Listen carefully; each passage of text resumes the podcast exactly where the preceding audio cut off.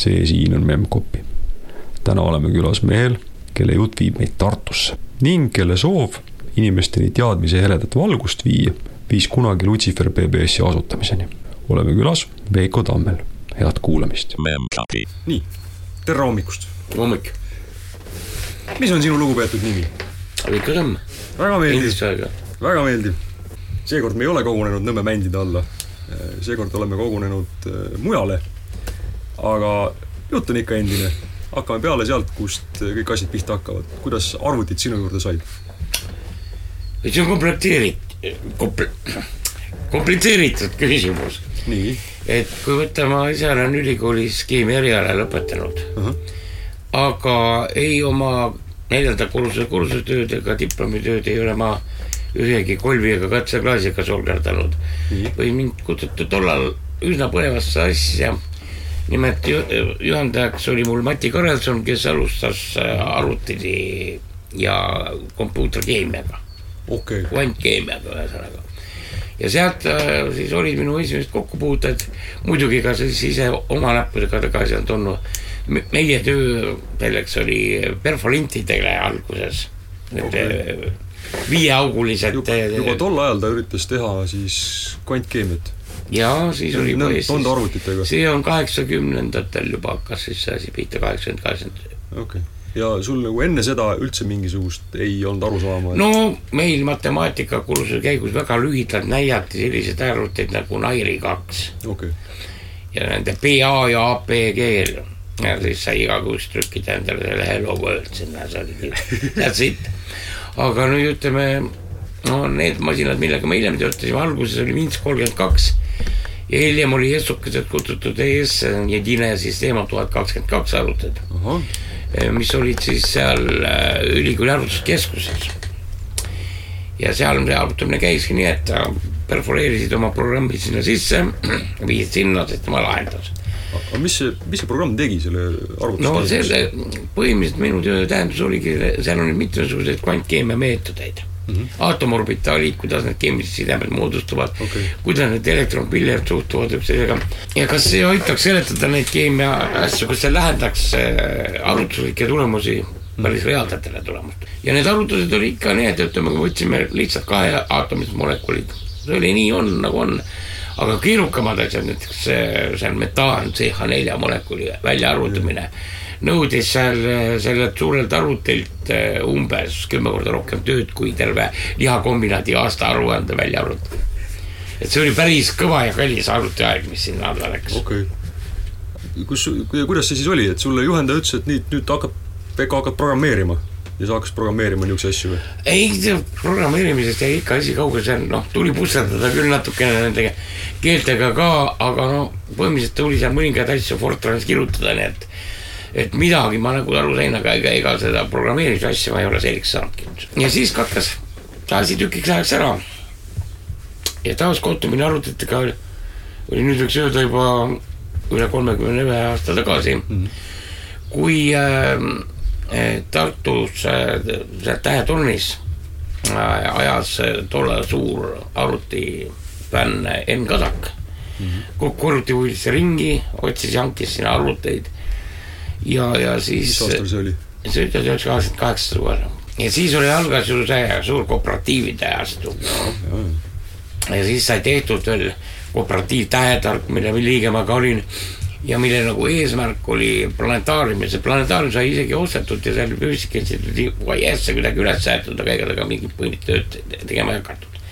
aga samal hetkel oli see selline teadlik äh, ja teaduslik keha, mille varjus sai siis nagu arvuteid osta müüa okay. sest arvutitega oli üldse see asi, no hiljem keerati igasugustel niisugustel väikestel asjadel ära, see arvutimüük mm. -hmm. ja kuna no, kui sa oled näinud kunagi filmi Brigada, ei ole, Vene seriaal sellest eh, segaste aegade maffia elust seal ja jaa, kus äritseti ka kõigega, siis juhtuski niiviisi, et ma sattusin lihtsalt, et mine ja too mingit arvutit kuskilt sealt, käisin Peterburis, Moskvas, sain kätte otsekontaktid ja sidemed ja niisiis see arvutiärisse sattumine, see nagu järsult puhkeski välja. sest arvutid olid tol ajal ju ikka hirmsalt kallid. minu esimene arvuti näiteks Amiga viissada, see maksis äh, sama palju kui ütleme Tutikas null kaheksa auto. ja null kaheksa oli väga hea auto. jah Jah., see oli ikka mingi nelikümmend tuhat rubla oh jumal. Aga miks sa sinna tähetorni juurde läksid? kas ikka mingi arvutivärk nagu tõmbas või kuidagi sattus? ei, üks sõber kutsus, et kuule, tule ka kaasa lööma, tead Aa., põnev asi, värk selline aa, okei. ja siis ma mäletan jah, et kuidas siis tuli algusest peale endale see kõik see selgeks teha, kuidas vaadata, et millised paljudel mälu on neid Eesti programme kasutada. alguses kuiva trennina, aga järjest hakkas see asi nagu liikuma. ja kui endale sai arvuti koju ostetud, no siis oli jube põnev. siis oli läinud. nii et ma ja alguses rändasin üle Amigate, oli viissada, siis viissada pluss, siis Amiga tuhat, Amiga kaks tuhat. ja siis sai sinna kõrvale siis esimene PC, sest eh, tuli üks suurem tellimus, no arvuteid saada oli kuradi raske mm. -hmm. sellepärast, et olid need embargod sissevedamiseks ja põhimõtteliselt oligi, me tõime arvuteid Moskvast ja Peterburist. aga kust need arvutid sinna said?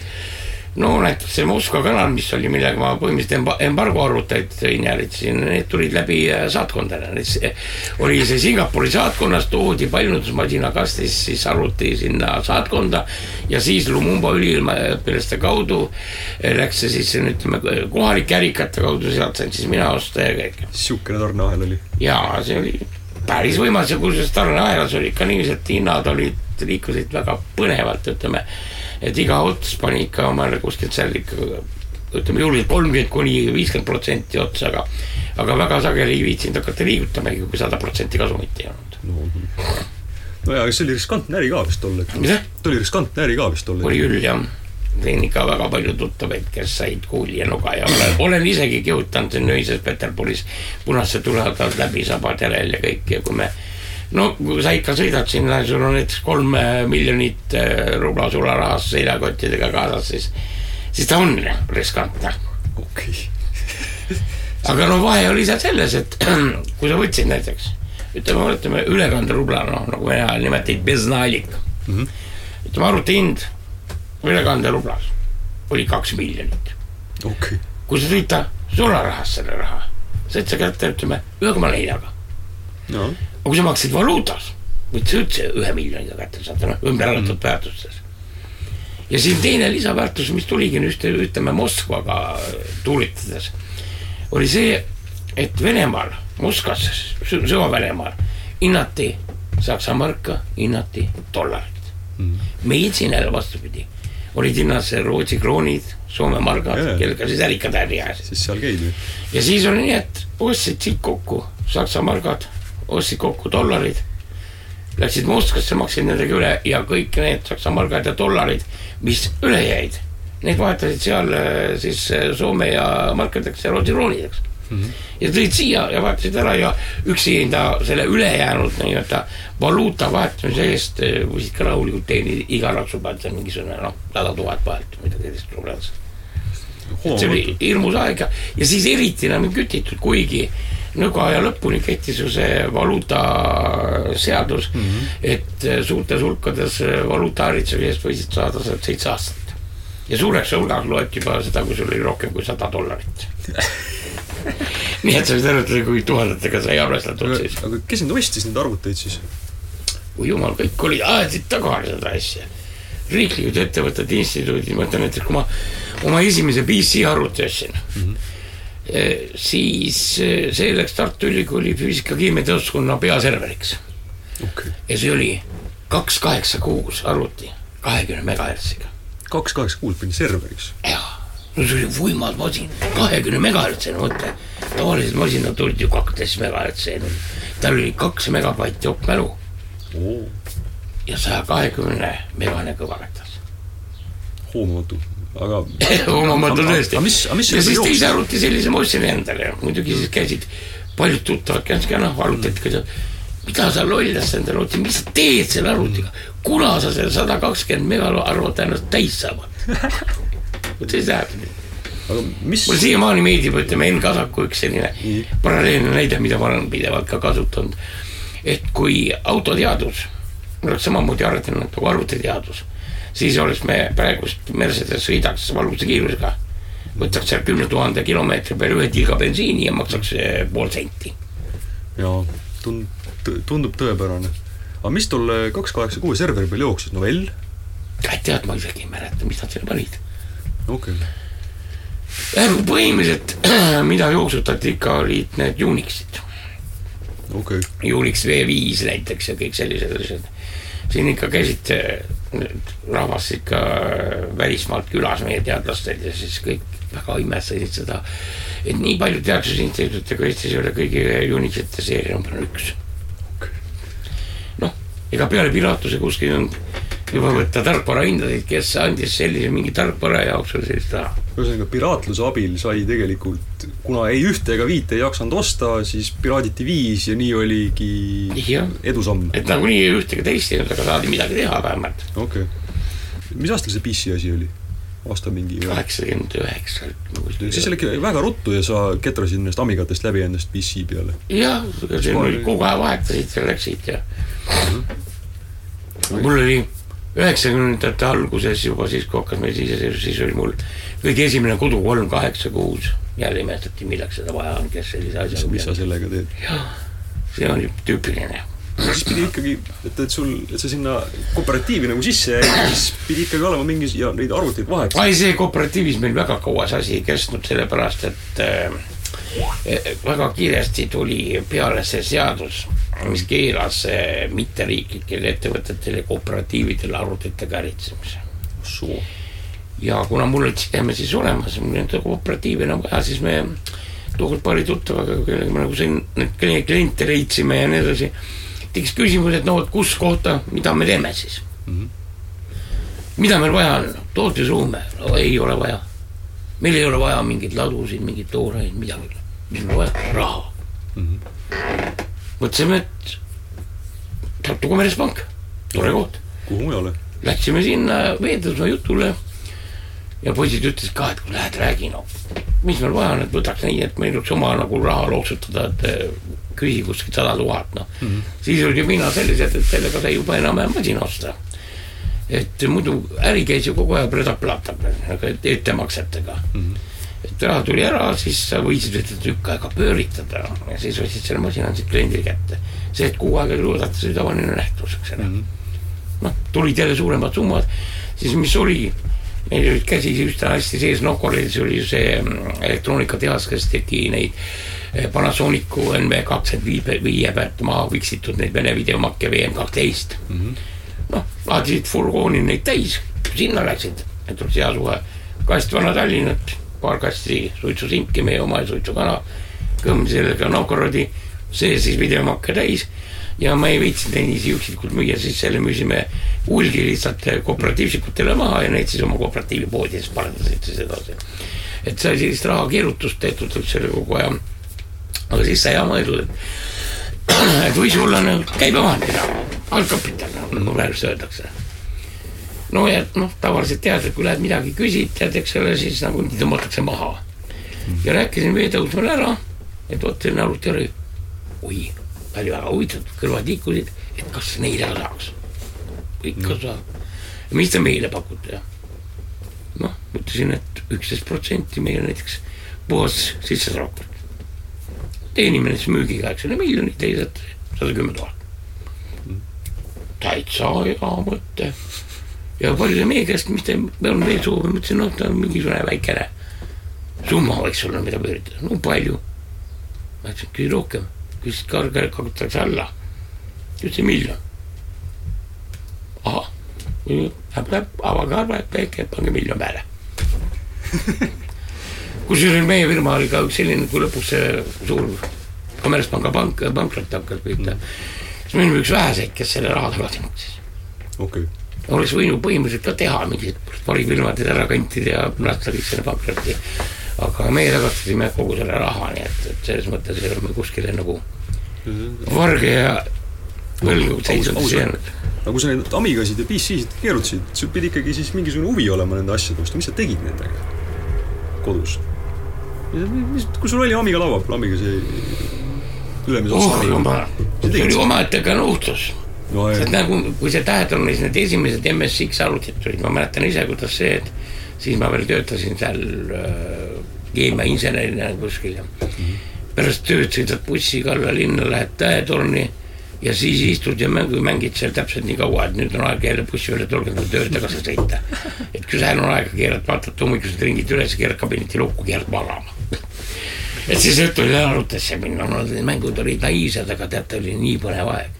Ja no kui endale arvuti tuli, siis oli see košmaar, faktiliselt järjekord oli pidevalt ukse taga, kõik tulid tasuta mängumise no ikka, see, ma mäletan seda aega. ja siis mängisid? jah, sai muidugi igasugu asju uuritud ja muidugi siis, kui tuli internet, no siis tegelikult hakkas see maailmaga ringi käimine juba enne seda PBS-i ajast. just, vot seda, vot, vot sinna ma tahaks jõuda, sinna ma tahaks jõuda. kust sul niisugune mõte tuli, et paneks PBS-i endale püsti? ja mis, ja millal see oli? no see oli kuskil üheksakümnendatel, varas, väga varastel. okay., et vaata, internet jõudis, päris internet, ütleme sellisel kujul, kahe satelliiditaadikuga, üks oli seal KBFi peal Tallinnas ja teine oli Tartus äh, Tähetornis. ja sealt siis üle Rootsi selle kuninglikku äh, tehnoloogia instituudi KTH mm -hmm. käis siis äh, side meil.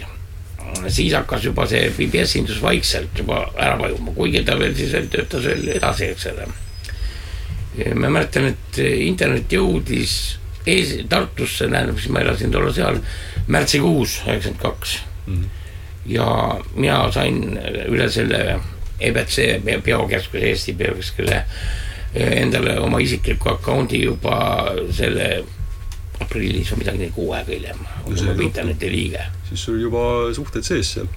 no ja enne seda oli muidugi see, et nad kui arvutiäri tegid, siis oligi no kes selle nüüd üles tõmbasid, tulid tol ajal veel, no meil kontor oli Rüütli tänavas, kohe Treffneri kooli vastas. ja siis muidugi ägedad treffneristid käisid seal kõik hoolega seda näppimas, said arvutite taga istuda kõike. ja, ja üks põhimisi, kes seda asja suunas ja ülesse pani ja majandas just tarkvara poole pealt, oli Einar Rentsik, praegu on kõva kinnisvaraärimees. nii et tema oli nagu see meie peamine süüssopp ja mina olin siis koosüüssopp, kus see siis see tiksus. hiljem, kui me seal kontori likvideerisime, siis see PBS, see Lucifer PBS tegutses mul kodus edasi. Kuni peaaegu lõpuni, kui see PBS-i äh, maailm meil ära hääbus siiamaani mäletan veel oma seda aadressi, see kaks koolon nelisada üheksakümmend üks punkt kuus kuus kuus. ja, aga millest niisugune nimi oli? millest või? see Lutsifer, kust niisugune, ta tõi valgust maailma. selge. no muidugi meil oli väga palju igasugust sellist maagiat ja värki, kuna ma loomult olen antikristlane olnud eluaeg. igasugusi, no nüüd olen ma veel suurem anti-islamist.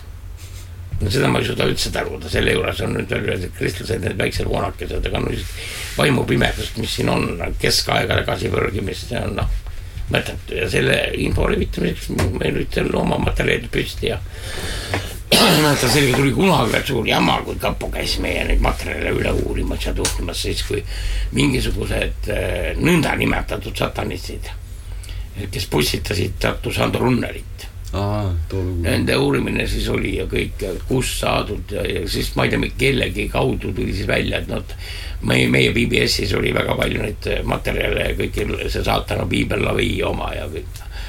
siis käidi ja uuriti ja vaadati ja ma mäletan, üks, üks, üks mehike seal tutkis nii põhjalikult, et pööratas ära, hakkas ikka satanistiks. kusjuures paljud küsisid, kas ma olen satanist, ma ütlen, ma ei ole. ma ei saa, kui ma ei usu kristlust, kuidas ma tahan siis tema peeglipilti kummardada. miks miks te selle PBS-i tegite? sest nagu äri sai muud moodi ka teha ju. ei, see oli lihtsalt hobi ja poisid tahtsid teha ja igasugused sidemed, materjalid üle maailma. noh, tol ajal sai ju kaugekõnedega lihtsalt kõik olid tasulised. Aga no selle äri juures need telefonihinnad, see on tähtis, ma võisin tundide kaupa lirpuda näiteks seal Ameerika või Iisraeli või kuskil no Euroopa peal üldse küsimus kaugekõnedega oligi otse Sokki või Jaapanisse, sealt igasuguseid materjale tõmmatud sai ja siis sai sealt suheldud kogu selle skeeneringkondadega ja aga kuidas sa need numbrid said, kuhu sa helistad? kujutan ette üheksakümnendate alguse Tartut, ma ise olin ka seal. Et eh, kust ma võisin saada Jaapani telefoninumbri, kuhu ma võisin aga? PBS-idel olid kõigil need suured listingud olemas, kus olid maailma olulised PBS-id oh, loetud kus koos said nende kuhugi, said külge Kuhu-, siis sealt juba hakkas tulema. ja, ja noh, kõigepealt siit Eestisse tõmbasin, uuendati pidevalt seda, no see on nagu aadressiraamat või telefoniraamat.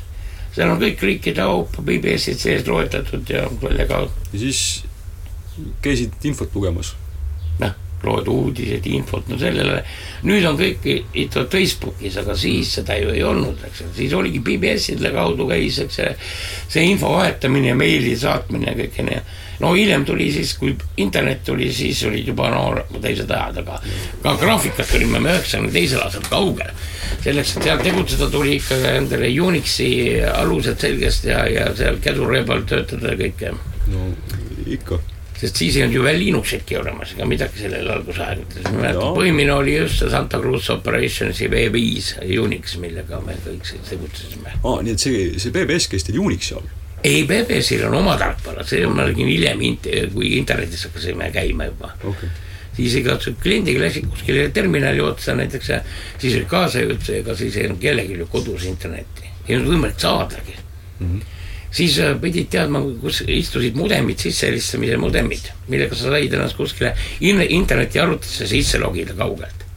näiteks sinna äh, Toomemäele tähetorni ja sealt siis juba läksid edasi, liikusid internetiavarustes nagu ja, ja kõik käis Telneti ja käsureaga jah, siis hiljem hakkasid tulema seal kohverruumid ja muud sellised algesed otsingusüsteemid olid seal juba infopangad, kus oli raamatuid erialastel kõigil aladel. siis tekkisid interneti BBS-id.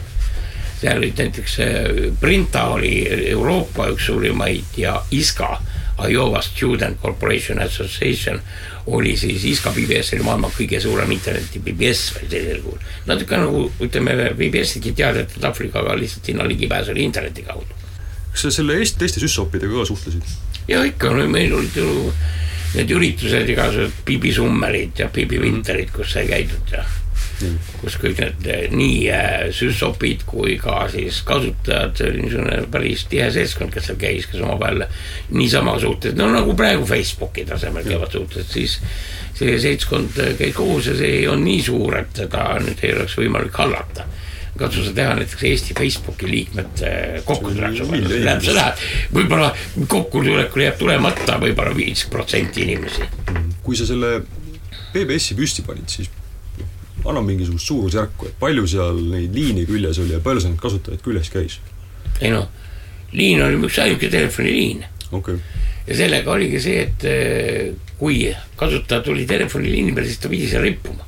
Kõneaeg jooksis kogu aeg mm.. nii et ma ütlen, et selles mõttes, et kui sa näiteks sikutasid mingit eh, tarkvara kuskilt Ameerikast, siis sa rippusid kogu aeg kauge kõnega selle liini peal, et see noh, päris eh, soolane kopikas tiksus kogu aeg ja eraldi liini, need üüriliinid tulid alles ISDN-i ajastul, kui tulid need kuuekümne nelja kilobitised ja sada kakskümmend kaheksa kilobitti kiirustega asjad. algselt kõige esimene moodem, mille ma sain, oli kaks tuhat nelisada poodi aga see oli isegi juba kiire, sest tuhande kahesajased jaa olid ka levinud. kuuesajast oli isegi. kaks tuhat nelisada oli Finlandia üks BBS oli kahe tuhande neljasaja peal, ülejäänud kõik olid aeglasemate peal. nii et no ega see mudem maksis ka kaks korda rohkem kui sõiduauto Žiguli tavaline aga no ikkagi noh, see hobi jaoks tundub nagu Žiguli nagu kallis investeerida. No võtame niiviisi, et mõnel äh, rikkal mehel on näiteks hobi jaoks korjab, eks selle vanemaid autosid seal kokku igasuguseid, mis maksavad ka, eks ole, seal ütleme meie rahast praegust juba sada ja kakssada tuhat, mis on hunnikumid. nojah, teevad oma automuuseumit, see on samuti hobi. ega ta sellega ka midagi muud ei tee, piletid ka ei küsi, kõik on oma hobi juures. ega ma ei uurigi, vaata, ega mis sul, mis sind selle hobi juures nagu siis paelus? mis sind nagu hoidis selle asja juures? no hobi nagu, seesama nüüd kübermaailm, see, et sa said minna ja uurida ja et, lugeda kui, kui, kui vaadata praegu sedasamaski Ghost in Shell'i või midagi sellist, et kui oleks võimalik oma teadus enne surma üle kanda internetti, mm. -hmm. see läheks küll, kas läheks, toldiks ära sinna. see on virtuaalmaailm, selles mõttes ma olen jah, selle küberajastu ka nii sisse, kas sa tol ajal juba Gibsonit ka lugesid? ja ikka no siis on selge, kust see tuleb.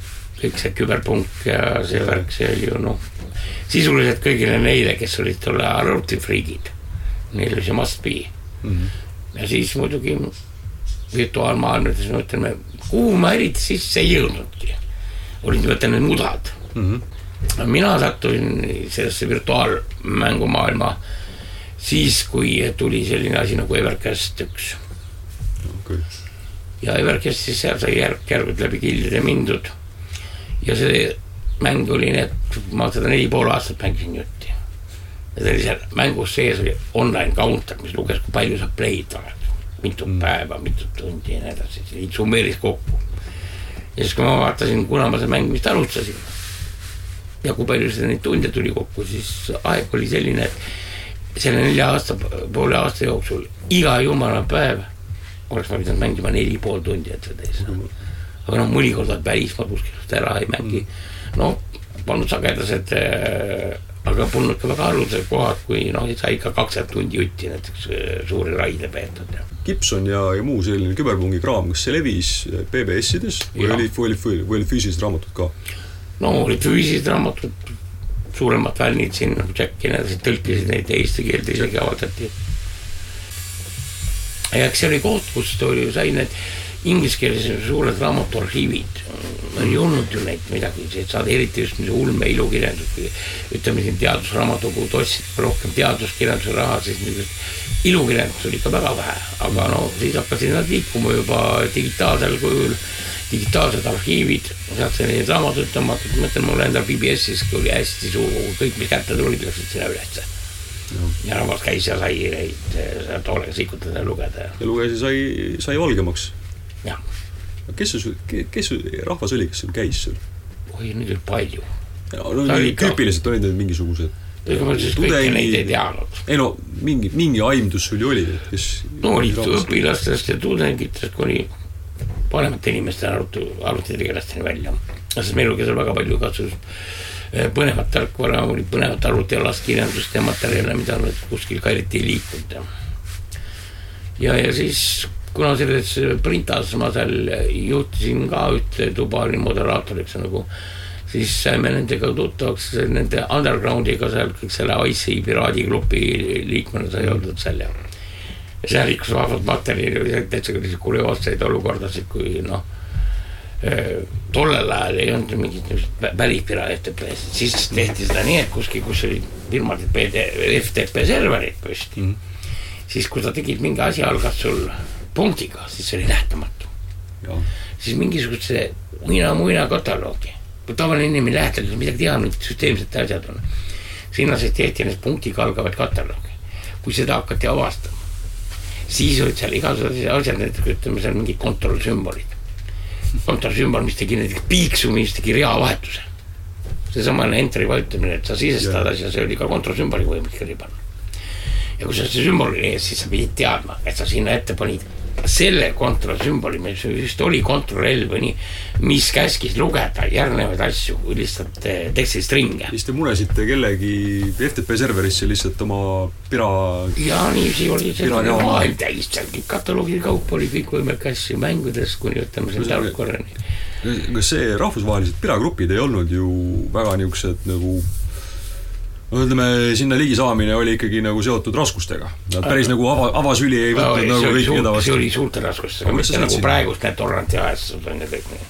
kuidas sa said sinna? siis oli, ma ütlen, et selle Printa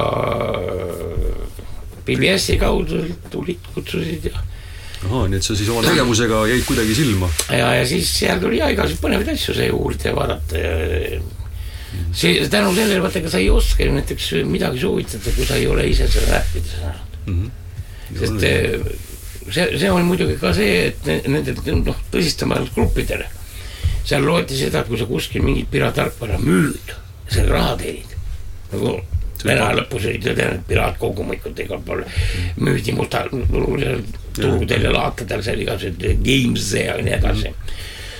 Seda loeti väga arvusmärgis, selle sa said kohe kangiga osta peale see oli patt jah. ja see oli patt mm..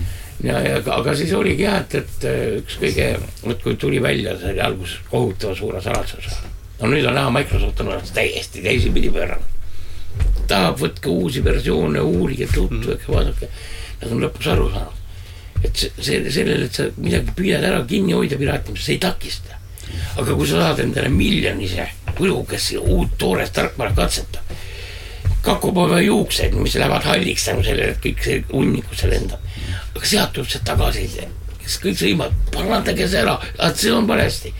sa ei jõua endale nii palju töötajaid otsida, kes selle kõik selle pugimise töö ära teevad, kui see vabatahtlik jõuk. kolmkümmend aastat võttis aega. aga siis oli see et kui tuli see Windows üheksakümmend viie koodnimega tollal Chicago. jaa, oli. Siis noh, ta oli muidugi olemas.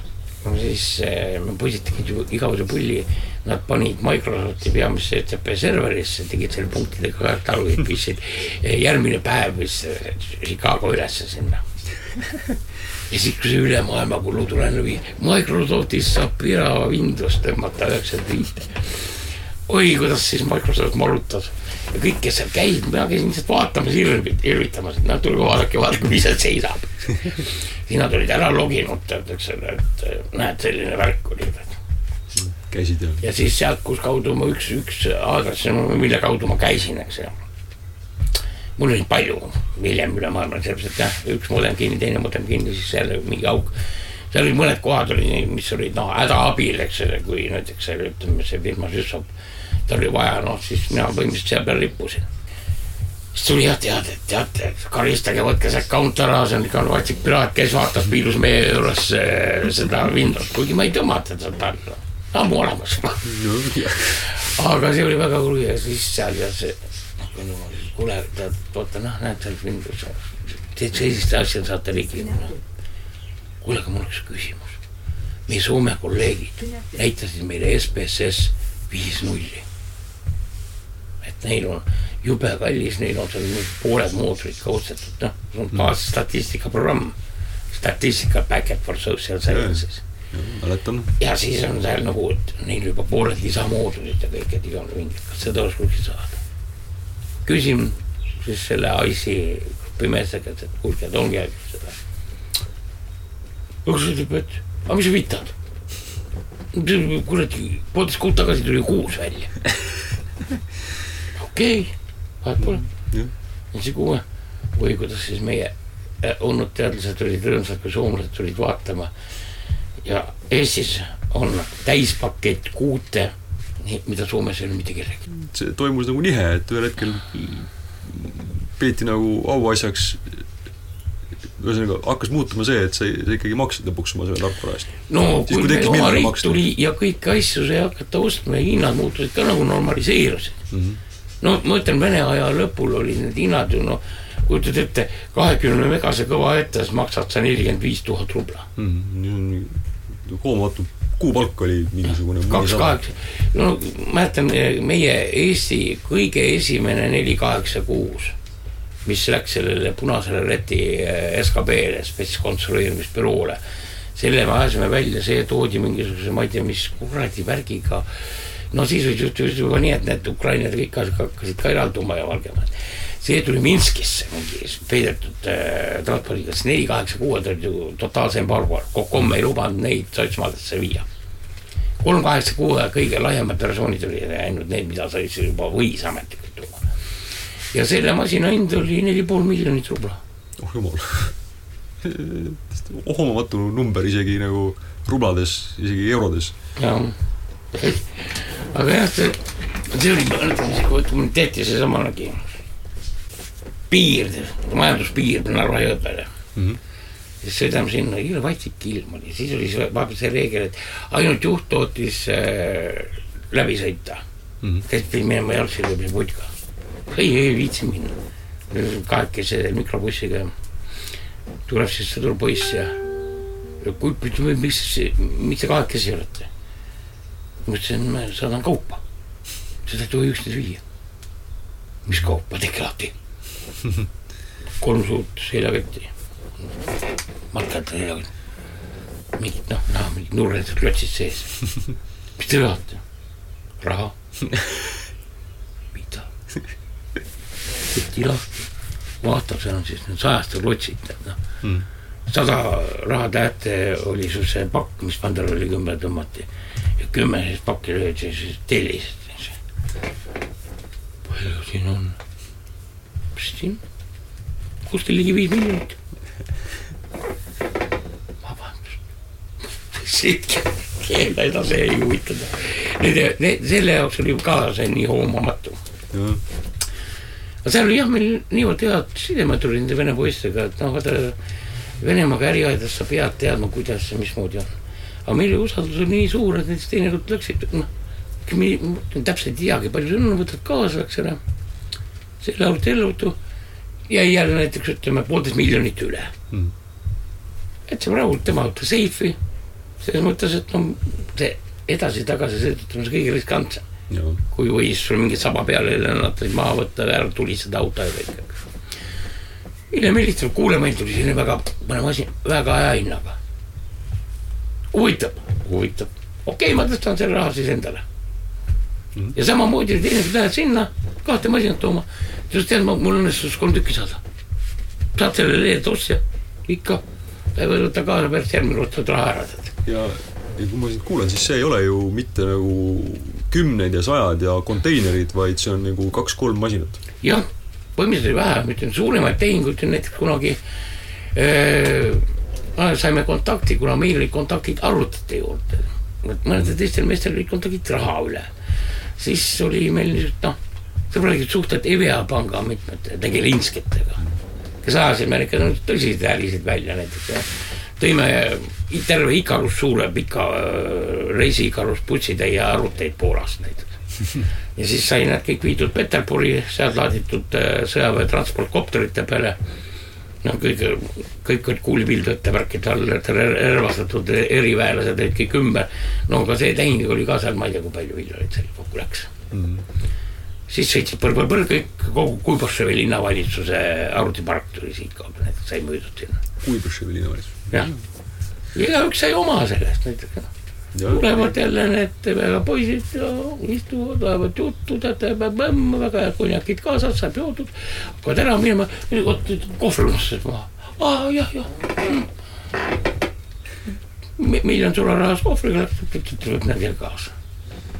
ja, ja tuleme, tuleks, tuleks, see, see oli jah, niisugune väga, mitte niisugune kauboikapitalismi aeg, et. see oli üsna õnne, kas õnneks või kahjuks ei kestnud väga kaua? ei jah, kuidas kellelegi. kuidas kellelegi, jah. mõned lõpetasid kuuliga kuklas, teised lõpetasid praeguste tippmiljardäride hulgas. kes kuda mida jõudis kinni võtta. no nii on. tuleme tagasi Lutsiferi juurde, et ähm, ta oli ikkagi üks hetk, oli Eestis nagu tipp, tippkoht, üks kõige populaarsem koht peaaegu, et kus, noh, kus käidi. noh, vähemalt nii, nii on räägitud ja nii mul endal ka meeles. mis ta nii populaarseks tegi? No see info hulk, mis seal oli. sellepärast, et ütleme, siis kui see PBS nüüd rõitses, siis ega ma ütlen internetile, kus sai neid kõiki materjaleid sikutada, oli ligipääs väga vähestele.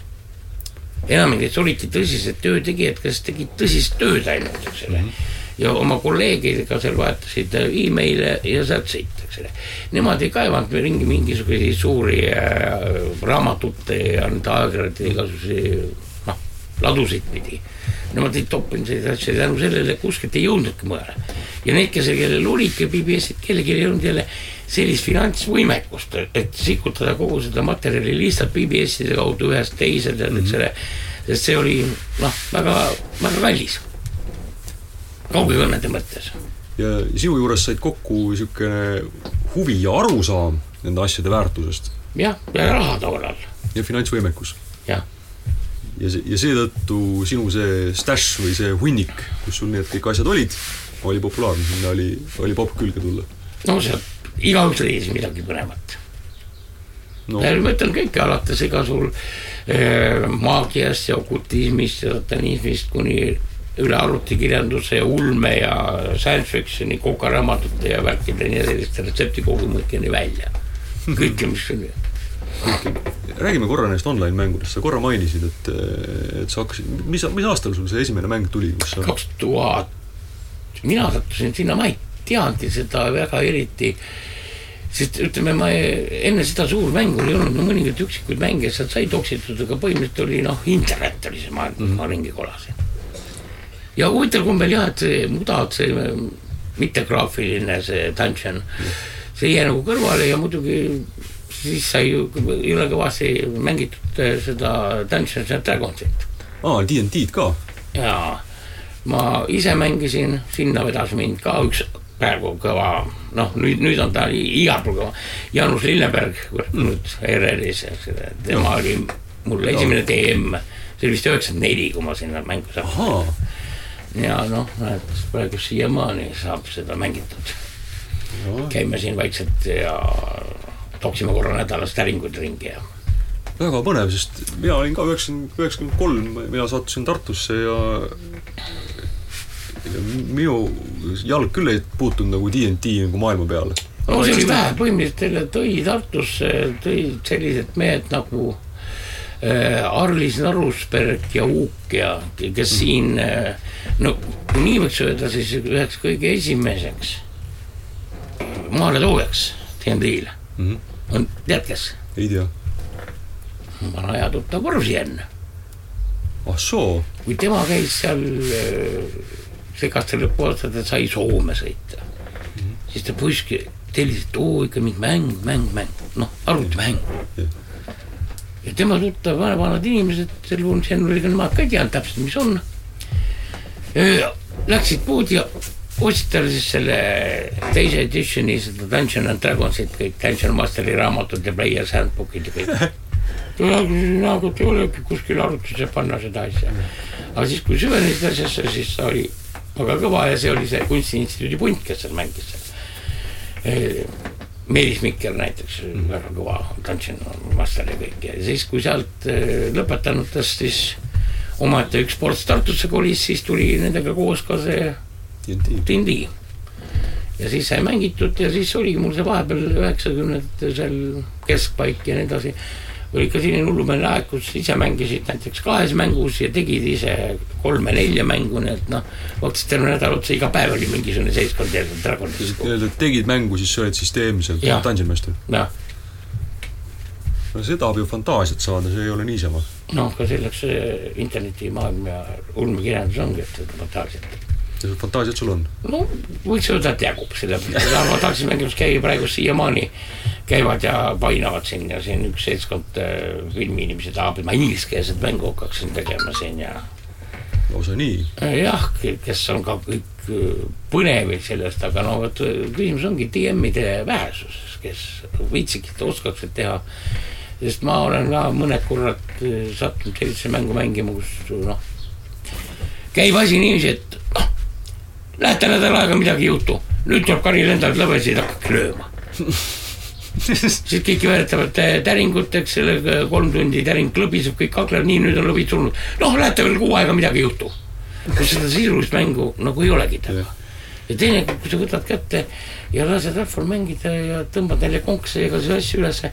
mäletan ühes mängus mul oli, kus kõik mängisid nii hästi oma seda osa ja loomulikult kõik olid need eri asju vaati nurga taga, tead, et ülejäänud rahvas ei kuule. kus tegelikult sellest moodulist, mida pidi me liikusime, ei liigutud mitte ühtegi sammu mm. -hmm. kogu asi käis omavahel, kus keegi ei teadnud, kõik katsutasid, et vot see on nüüd mingisugune kurikoll jälle, vaidlane jälle ja siis mäletad, kuidas seal äh, Mario Pizzolanti ja, siis GG, kes veel, kellega nad omavahel seal igavesi lahinguid lõid, vist Siimisker või nii edasi. ja kui siis pärast siis noh, sessiooni kokku tõmbasime, siis nagu no avalikuks tulid need asjad. siis oli nii, et kõik said ikka teise korra, te näete, et mina arvasin seda, mina arvasin seda. ja kõik ja siis see viimane asi oli need kõik, äh, rahvas naeris, need hakkasid püssid märjad oli see, kui siis Siimisker, kes mängis niisugust äh, printsikest, aadlipoissi ja nii edasi, küsis siis siis Ranti Marju käest, et aga miks sa mind tulistasid noolega? Mm.. mul on seepeale aru saanud, Marju ütleb, ma lasin mööda. Ja siis oli üldine hirm niimoodi aga.... ja vot siis, kui tuligi seesama nägi Ever käest, siis tuli ja ütles, kuule, see on ju see Dungeon, arvutimaailm. ja see oli tõesti see, et sa ei pea enam ise olema DM, vaid siin mu eest nagu öeldakse, DM-i arvuti ja ise rajad seal oma seltskondi, oma punte ja värke ja ja, ja siis see läks, siis see neelas, siis ei olnud aega enam isegi sedasamaski Dragonit teha ega midagi, sest ma ütlen, noh, aeg oli veidi seal. See.... parimatel aegadel Evercast ühes ma jõudsin nii, et ma olin maailma seitsmes äh, varjur. nii et, no siin meil Eestis tuli veelgi siin üks sõber toon veel kõrgemale tõusnud Rangerina, no tema oli muidugi veel hulkus, kui ma ütlesin, minul tuli see keskmine mä- mänguaeg neli pool tundi ööpäeva kohta, siis temal oli see kuus pool. oh jumal, see tahab ju, see on ju, see on investeering. jah, et ta oligi sellel ajal ju. kui ma siin niimoodi kuulan, siis sealt tuleb ju niisugune, tulevad inimesed kuidagi väga, väga palju välja. sa kuidagi tundud inimestega nagu hakkama saavad või neist aru saavad. jah, eks siin see ole ka, ma olen siin praeguski neid gilde juhtinud siin ja no selles mõttes ka, et ega sul seal Venemaal nende inimestega nagu jutu peale saada ei ole ka nagu lihtne, eks ole, see tahab nagu pealehakkamist ja, ja inimestega suhtlemise oskust, eks ole. jah, ja tu-, nagu öeldakse, sa pead teadma seda russki dušaad, see vene hing. see on, see on hoopis sa seda ei mõista ja praeguse aja ütleme noortel ja kõigil ongi see noh, küll jätame poliitika kui sellise kõrvale, aga paljudel äriajamises ongi sellised öö, päris lääne inimesed, paljud ütlesid, nad ei saa aru, et kui tuleb, tema ütleb hinna. ja selle peale öeldakse, et ahah, ah et selle tehingu väärtus on nüüd siis meil kaksteist miljonit. niiviisi, teeme siis niiviisi, et viisteist miljonit Mm. ei saa aru, kuidas, mis, miks? no me anname ühe arve, kus kolm miljonit seitse panka kanda. no mis sa saad ju sellest nagu eestlase hingest ka aru. noh, selles mõttes, kui sa ikkagi, sa saad aru, mida inimesed nagu vajavad ja mis neid huvitab, kas või selle Lutsiferi püstipanekuga. kindlasti, aga kust sul see tuleb, see on sul lihtsalt, sa oled sündinud sellega või, või oled sa mõelnud selle peale? võib-olla see on oskus. Ei oska öelda, ma ei ole nii palju analüüsinud, aga ma ütlen, et eh, kui nüüd on ju- juhtimise asjaga, ma olen tegelenud palju, ütleme, sai käidud kõik ülikooli aegsed, kui muu rahvas, eks ole, võttis ja rüüpas õues oma elu, siis mul kõik suved, kõik talved olid eh, kas talvel suusamatkadel, suvel mägimatkadel, alpilaagrites. et ma olen hästi palju neid eh, kas matkagruppe juhtinud ja kõike need noh no sul juhtimise soon ja juhtimise nagu no seal ongi see, kuidas seda asja teha ja neid mingisuguseid arvutifirmasid erinevaid on saanud juhti-, juhitud ja kõike. et eh, noh, paljusid asju ma olen initsiatiivselt teinud, ma mäletan, kui ilmus see, sattus kätte see raamat, kuidas eh, võita sõpru ja mõjutada mm -hmm. inimesi. Carnegie oma siis nad paljusid asju tegid seda kuidagi instinktiivselt nii mm. -hmm see on nagu see, ma tahan sind midagi tegema panna, isegi kui see oleks mulle kasulik või nii, see tekitab trotsi, vastumeelsust, kes sa selline oled, kui tahad inimene teeks, siis kujunda selline olukord, et ta ise tahab seda teha, ta ise tahab niiviisi mõelda. vot see on meie poliitikute üks suur puudus ka, et kõik tahavad kedagi juhtida, sunnida, öelda, sa oled väga loll, sa mõtled valesti. Anna parem võimalus talle, et näed, mina olen rumal midagi. lase tal minu arvamust ümber pöörata, selle arvamuse peale, mida ma tahan, et ta tegelikult teeks ja mõtleks. ja hoopis rohkem tuleks äh, neid saavutusi. ja, ja ja nagu öeldakse, palju inimesi, nad tahavad, keegi midagi ära otsustaks, keegi midagi ära teeks. Nad ei ole huvitatud sellesse, nad peavad oma pea- peaga mõtlema, mis veel hullem, selle mõtlemisega tagajärjel tehtud tegude eest vastutama. see on tihtipeale probleem inimestel. jõle hea on näidata, valitsus on loll, minister on loll, Euroliit on loll, onu Trump on loll, võib-olla jumal teab, see on ka loll, aga lõpuks oled ikka, ainult mitte mina. jaa. aga sina siis, siis sellest järeldame, et sina oled ka loll. aga loomulikult, see võtab päris kaua aega, enne kui võiks hakata vanakreeklase kombel ütlema, et ma tean, et ma midagi ei tea Mm. Näiteks kasvõi needsamased igasugused jumala teemad, alguse ja lõpu teemad. teadus on jupe võimsalt edasi arenenud, kõik need kvandid ja mustad augud ja võtab sealt pargid, aga mis edasi, kuidas edasi, kust see kõik tuli, suurpauk, kes see paugu tegi, mis enne suurt pauku oli? kui ütleme niiviisi, et enne ei olnud midagi, nüüd korraga tuli maailm, sest see ongi nagu maailma loodus. Ma tean selles mõttes, jumala mõista, kui me ei hakka selle mõtlema mingit hallihabemega taati, kes karjase kepp käes pilve peal jalgu kõigutab, vaid kõike seda loodusseaduste ja loodusteaduste looduse enda kompleksset asja, siis see ongi jumal. see on väga sarnane küll.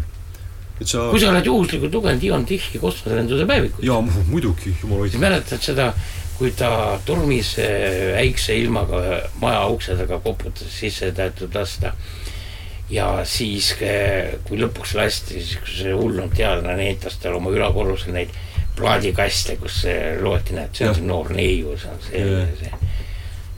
et aga äkki me oleme ise ka need plaadimängijad kellegi tolmunud pööningul.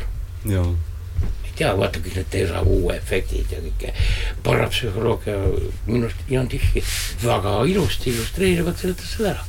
aga ma ei tea seda, ma ei saa seda kontrollida aga sind huvitavad siuksed asjad? aga loomulikult. ja ütleme, kõik räägivad, kes tõestab jumala olemasolu, kes ei tõe, tõestab selle mitteolemasolu mm. no mina olen võrrelnud seda sellega seoses, kui meil varbaküüne üks rakk hakkaks tõestama inimese olemasolu või mitteolemasolu. kuidas ta seda teeb? selle käed kätte võtta ja küüned lühemaks lõigata. temaga näiteks läbi. selles mõttes ma mäletan meie professor Viktor Palm, eks ole orgaanilise keemia professor, kui ta luges ka igasuguseid teadusliku maailmavaate lähenemise ja kõike, siis ta ütles, noh, tollal väga julgelt, kaheksakümne esimesel aastal ikkagi, et tema arust on näiteks teaduslik kommunism ja teaduslik ateism täpselt samasugused pseudoteadlased, teadused nagu ütleme, teaduslik teism või teaduslik jumalatus. Nendel asjadel pole jumal või teadusega mitte midagi püsist et ju kaheksakümne esimesel aastal öeldi auditooriumi ees niisugune asi välja. ei, olla ikka neile satu pead ka saanud seal kõik ja see usinad äh, tegelased käisid mm -hmm. ikka käsi kõrval raporteerimas sellist asja. aga kusjuures noh, see ongi noh, miks nimetada mingit asja näiteks teaduslikuks, seal ei ole teadusega mitte mingit pistmist. no oli vaja nimetada kuidagimoodi, et oleks, oleks uhkem no eks ta praegu on ka, kui me vaatame igasugused majandusteadused ja nii edasi, jube palju sealt on soola puhumist. üks mees võtab need meetodid, tõestab ühe asja ära, ütleb see on must, teine tuleb, ütleb ei, ei, ei, tõestab ära ja kõik on valge. kolmas räägib pallist ja neljas räägib üldse kokku ulatusspektrist. no võta siis, mis on, täpselt see, kellele mida vaja. meil hakkab tasapisi aeg otsa saama, ma sellepärast nüüd küsin selle kohta, mis sa praegu teed, praegu sa teed kirjatööd väga palju. jah. kuidas sa selle kirjutamise juurde jõudsid? üks asi on lugeda palju teine asi on kirjutada palju. no miski aeg tagasi, kahe tuhandete alguses eh, töötas mul naine äh, sellise ajakirja nagu Arvutimaailm peatoimetajana uh. -huh.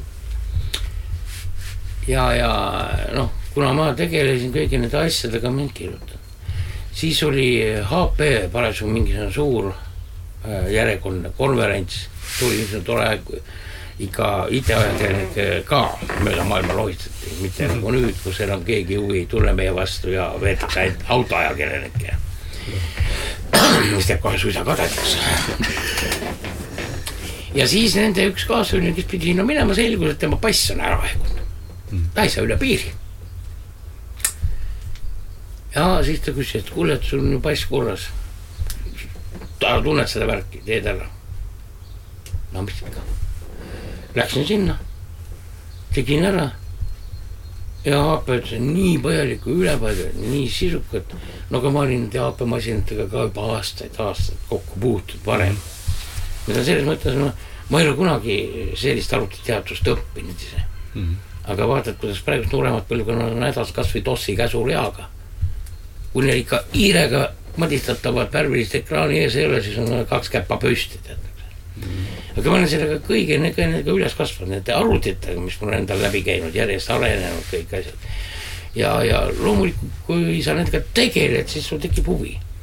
vastasel juhul ei ole vahet, kas sa müüd kartuleid või arvuteid või kaalikaid, eks ole mm. -hmm ja tegin selle ära, pärast oli kohe, oi kuule, tead, siin on jälle asi ja tegelikult ongi nii, et, et et eh, väga palju nüüd ütleme, nooremast põlvest on ka neid, kes ei tunne seda raudvara, vaata raudvara ajakirjandus on see, et sa pead midagi tegema, sa pead teadma, sa pead oskama küsida. ja eks ma nende pärast jäin nagu neile silma ka ja siis kukuti igale poole saatma. Mm.. jah, teine asi on see, et mul ei ole nagu, mainisid võib-olla, et inimestega läbi saamine mind ei kohuta see näiteks, kui me mingi konverentsil saame kokku näiteks Interi vicepresidentidega või siis, kui Otellini oli veel see kõige suurem püürer, et lähed juurde, pistad viis pihku ja ajad temaga juttu, küsid ta käest kõike. ja kurat, paljud olid mehed, näiteks põhimine tehnikaohvitser, vicepresident, no mitmetel Interi üritustel ajal käidud, too juba eematunud, seal tuli kohe juttu rääkima ja kõik. ja küsis, et sa oled ainuke, kes asjast aru saad no eks see oli ka üks asi, miks siis nagu kutsuti, miks Ott Orbiilis, aga ma ütlen, praegu on see asi ära vaibunud. omal ajal sai ikka noh, ma olen vist neli korda USA-s käinud ja Singapuris ja ma ei tea, mitu korda Koreas, Hiinas, igal pool mm,. Euroopat ei räägigi, seal vahepeal oli pidevalt üks konverents sees järel, aga nüüd on kuidagi itifirmad nii maha vaibunud pole midagi. eks on vist saabunud see, ka selles vallas see nii-öelda pudukaupmeeste ajastu no tihti oli ka see, et nad tulid turgu, sõid sisse, kes saab elu, kes teeb, kellest kirjutatakse. kõik olid väga põnevad sellest asjast. aga eks nüüd on näed, kuskil turu stabiliseerumine on käes, kuskil see enam ei kasva, näiteks ütleme kasvõi lauaarvutitel. ära nad ei kao, nagu paljud ennustasid, sellepärast et noh, mängurid, kes tahavad ikka suure 4K ekraanidega tead korralikult mängida mm. -hmm. no sa läpaka naagil, siin on küll läpakas päris kõvad asjad sees ja kõik aga ikkagi ta pole nii võimas, ta on alla klookitud, põled selga, mis lauaarvutis power'id pole.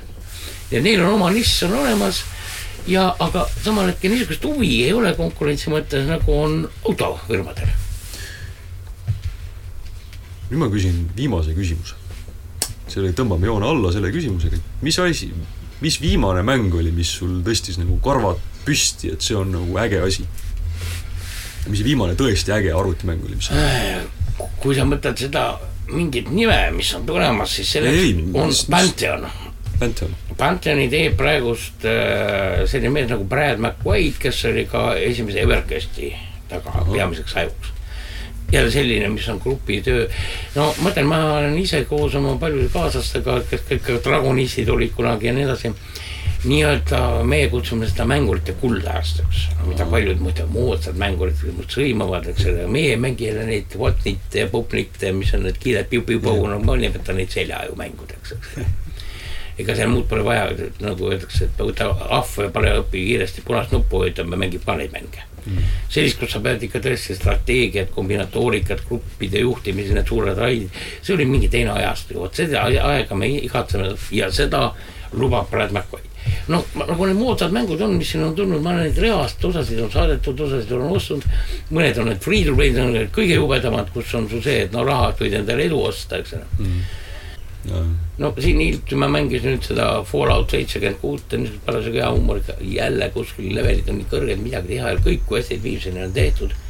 minna, käia kogu aeg, korjata sodi, et see sodi maha müüa, korjata sodi, milleks kuu aega mängitud ja kõik, aga kui meenutada tõsiselt head mängu viimasest ajast mm, -hmm. jätame Evercastit sinna kaugustesse, siis üks hea nimi oli äh, Fallen Earth mm. -hmm. ka niisugune hea tõmmasaja ja kataklüsmide järgne maailm, mis oli päris, ma ütleksin, kõige parem craft imise ja mängu sisse mängijate vahelise ärisüsteem oli tolles mängus.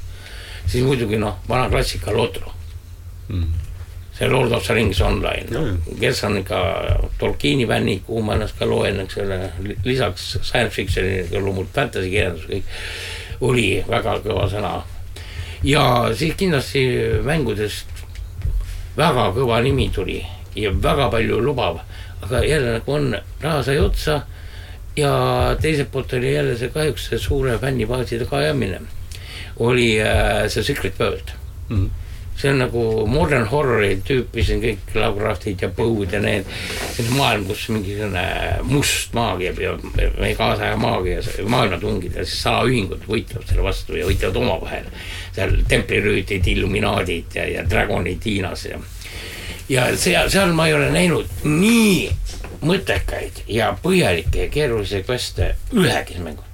Enamikul on see quest'ide noh, ülesannete värk on muutunud ikka nii labaseks, et mine keldrisse, tapa kümme rotti. nüüd suur kangelane, maailma päästja, mine uuesti keldrisse, tapa kümme rotti, too kümme saba ka ära. või viib äh, pakikene kõrval külla onu Juliusele. no andke andeks, kas veel lollem saab olla, aga noh, nii ta on seal oli kohti, kus sa pidid näiteks ütleme võtma midagi kiilkirjas, sa pidid teadma seal hieroglüüfe ja vaatama. ja muidugi on selge, et keegi seda nii täpselt ei tea, neid asju siis äh, oli see, et sa äh, mängu sisse oli ehitatud kohe, sa ei pea mängust välja minema, need multitask'ida. mängu sisse oli ehitatud äh, Google'i brauser. sa said sealt abi otsida ja näiteks seal oligi üks äh, jälle, kus oli mingi vihje mingi nimega, leidsid laiba ja seal oli postkaart oli seal peal, kellega saatmata tabel. ja siis, hakkasid guugeldama seda nime tuleb välja, et see oli üks saksa kõvemaid krüptograafia aluspanijaid, mida väga vähe teatakse. otsid siis välja, ahah, vot tal on olemas spetsiaalne algoritm. ja kes tahtsid, võisid seda algoritmi käsitsi kasutada. aga sa võisid selle programmi alla tõmmata need read saad sisse kopeerida või kui tahtsid laisk olid, siis lihtsalt pildistasid ekraanilt ära. otse errasid selle teksti, lasid selle teksti sinna masinasse ja sealt tuli siis tagasi juba mõtestatud tekst, kus sa said siis koordinaadid, kus sa minema pidid. mul on hea, hea meel näha, et sa jätkuvalt elad huvitavat elu. noh, loodame nii kauaks, kui see antud on. loodame, et on antud kauaks, aitäh sulle